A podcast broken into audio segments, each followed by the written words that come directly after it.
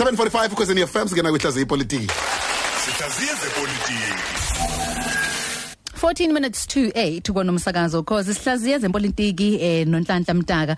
Oyipolitical scientist aphinda be umsunguli weingabati group. Siba naye njalo ke ngomsombuluko ngalesikhathi sihlaziye ipolitiki. Inhlanhla sikubingelele sikwamukela esimene sejwayekile dadewethu masingakhuluma ngesihloko sanamuhla eh, esikhuluma ngabe indaba eAfrika. Asiqale sivumelane ukuthi abe indaba kabafani futhi abenzi ngendlela efanayo. Ngoba njengoba ngishilo esimene sejwayelekile ba umthombo noma kufuna babe umthombo wolwazi kubantu kube yibona abaqaphelisa umphakathi ngokusebenza kanjalo nokungasebenzi kahle kwahulumeni. Kepha eningizimu Afrika nase-Afrika nje jikelele isimo sabe indaba fani ngoba sasidwetshelwe umdlalo othize wepolitiki ngisho ukuthini uma ngisho njalo na ngisho ukuthi bonke abeyindaba bohlanga eAfrika babesebenza ngaphansi kwesimo la khona ohulumeni bencindezela beqinisekisa ukuthi abeyindaba babika ngohlobo oluthize noma ngendlela ethize bebikela isizwe. Ngazi imbili izizwe zayibikelwa ngaleso sikhathi. Kwakukhona isizwe sabaqindezeli okwakufuneka sibikele ngendlela ethize enokuhlonipha okuthize.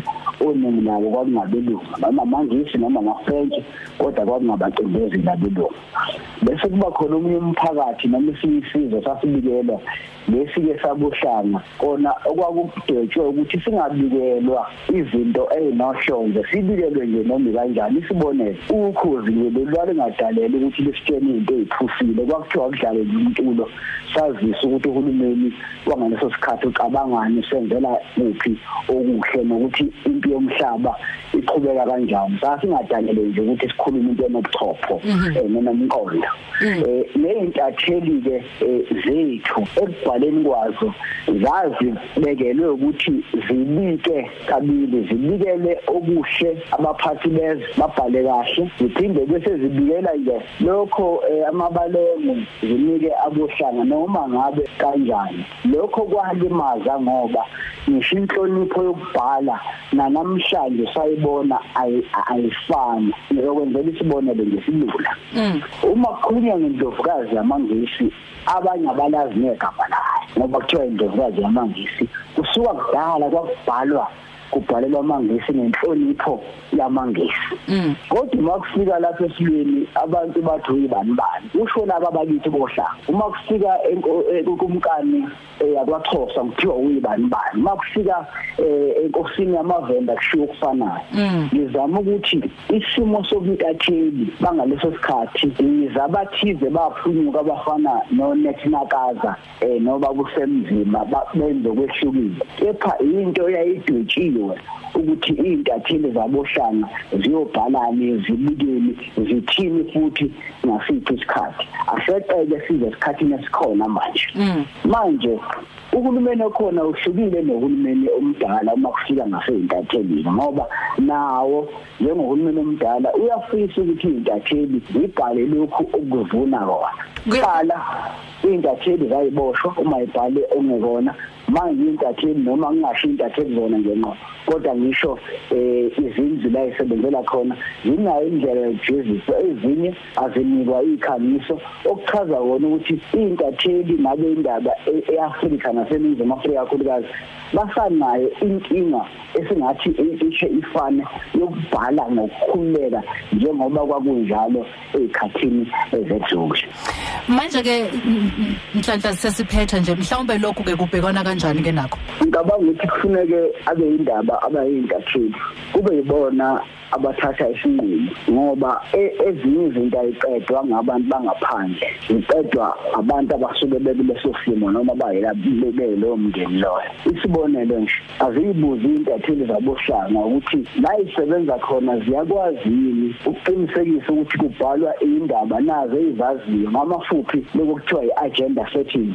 Uyakwazi yini ukuthi uthi hayi lolu daba aluhambi kanjalo ngenzela isibonelo nje dadethu esilula. Kubhalwa ukuthi umnomzane uzuma wakwaDa kudunuse uzoshadelwa umama basho nenamba yakho ukuthi ngiyosingaki lokubhala wonke amaphepha esilungu abhale ngazi ukuthi into entsha emhlabeni nje leyo. Usuka nalabo bakithi nabo ababhaleli ngoba bethi hayi siyalwazi leli siko noma siyazi indlela yokuphila.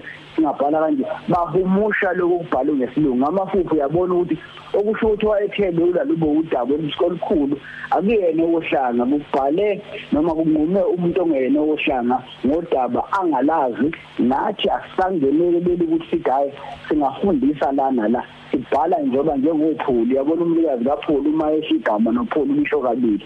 Ngamafuphi lokhu okukhulula beindaba ngeke kwenziwe umphakathi kodwa kuyokwenziwa ibona beindaba ukuthi baqinisekise ukuthi la bekhona la bekhuluma khona la bebhala khona babhala ngezinto abazazi bayakwazi futhi ukubeka imbono yabo. Ngisho nasemsakazweni into efanayo kufuneka beindaba bakwazi ukukhuluma ngoba bakwazi ukukhuluma ukuthi akuguquki izimo zabasebenzi kuquka izimo zokuphila kodwa behlulwa kuyikhulula bona ngoba iqiniso sabe indaba eNingizimu Afrika? Kakhulukazi abohlanga abanamandla abanagama babhayela ukukushiwoyo baphindele emakhaya noma ngabe kubingakanani isibonelo nje eyimasontweni amabili zobabona bonke abazobebhala ukuthi inkosana yamangisi iyashadela ngoba kusho abantu abazi inkosana yamangisi. Kodwa makuthiwa kubhalwe ngemkhosi idomba yamavenda umhlanga babhala okunye okuseceleni kodwa uma ethe amangwonke nonke lapha ngisho okhozini lolwethu kuze kukhona ukuthi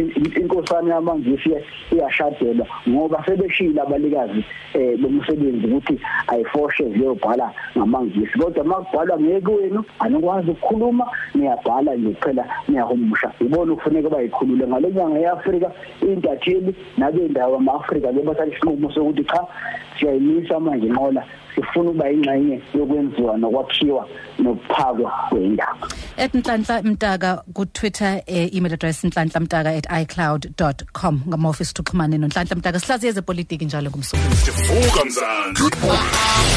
Hamba phambili.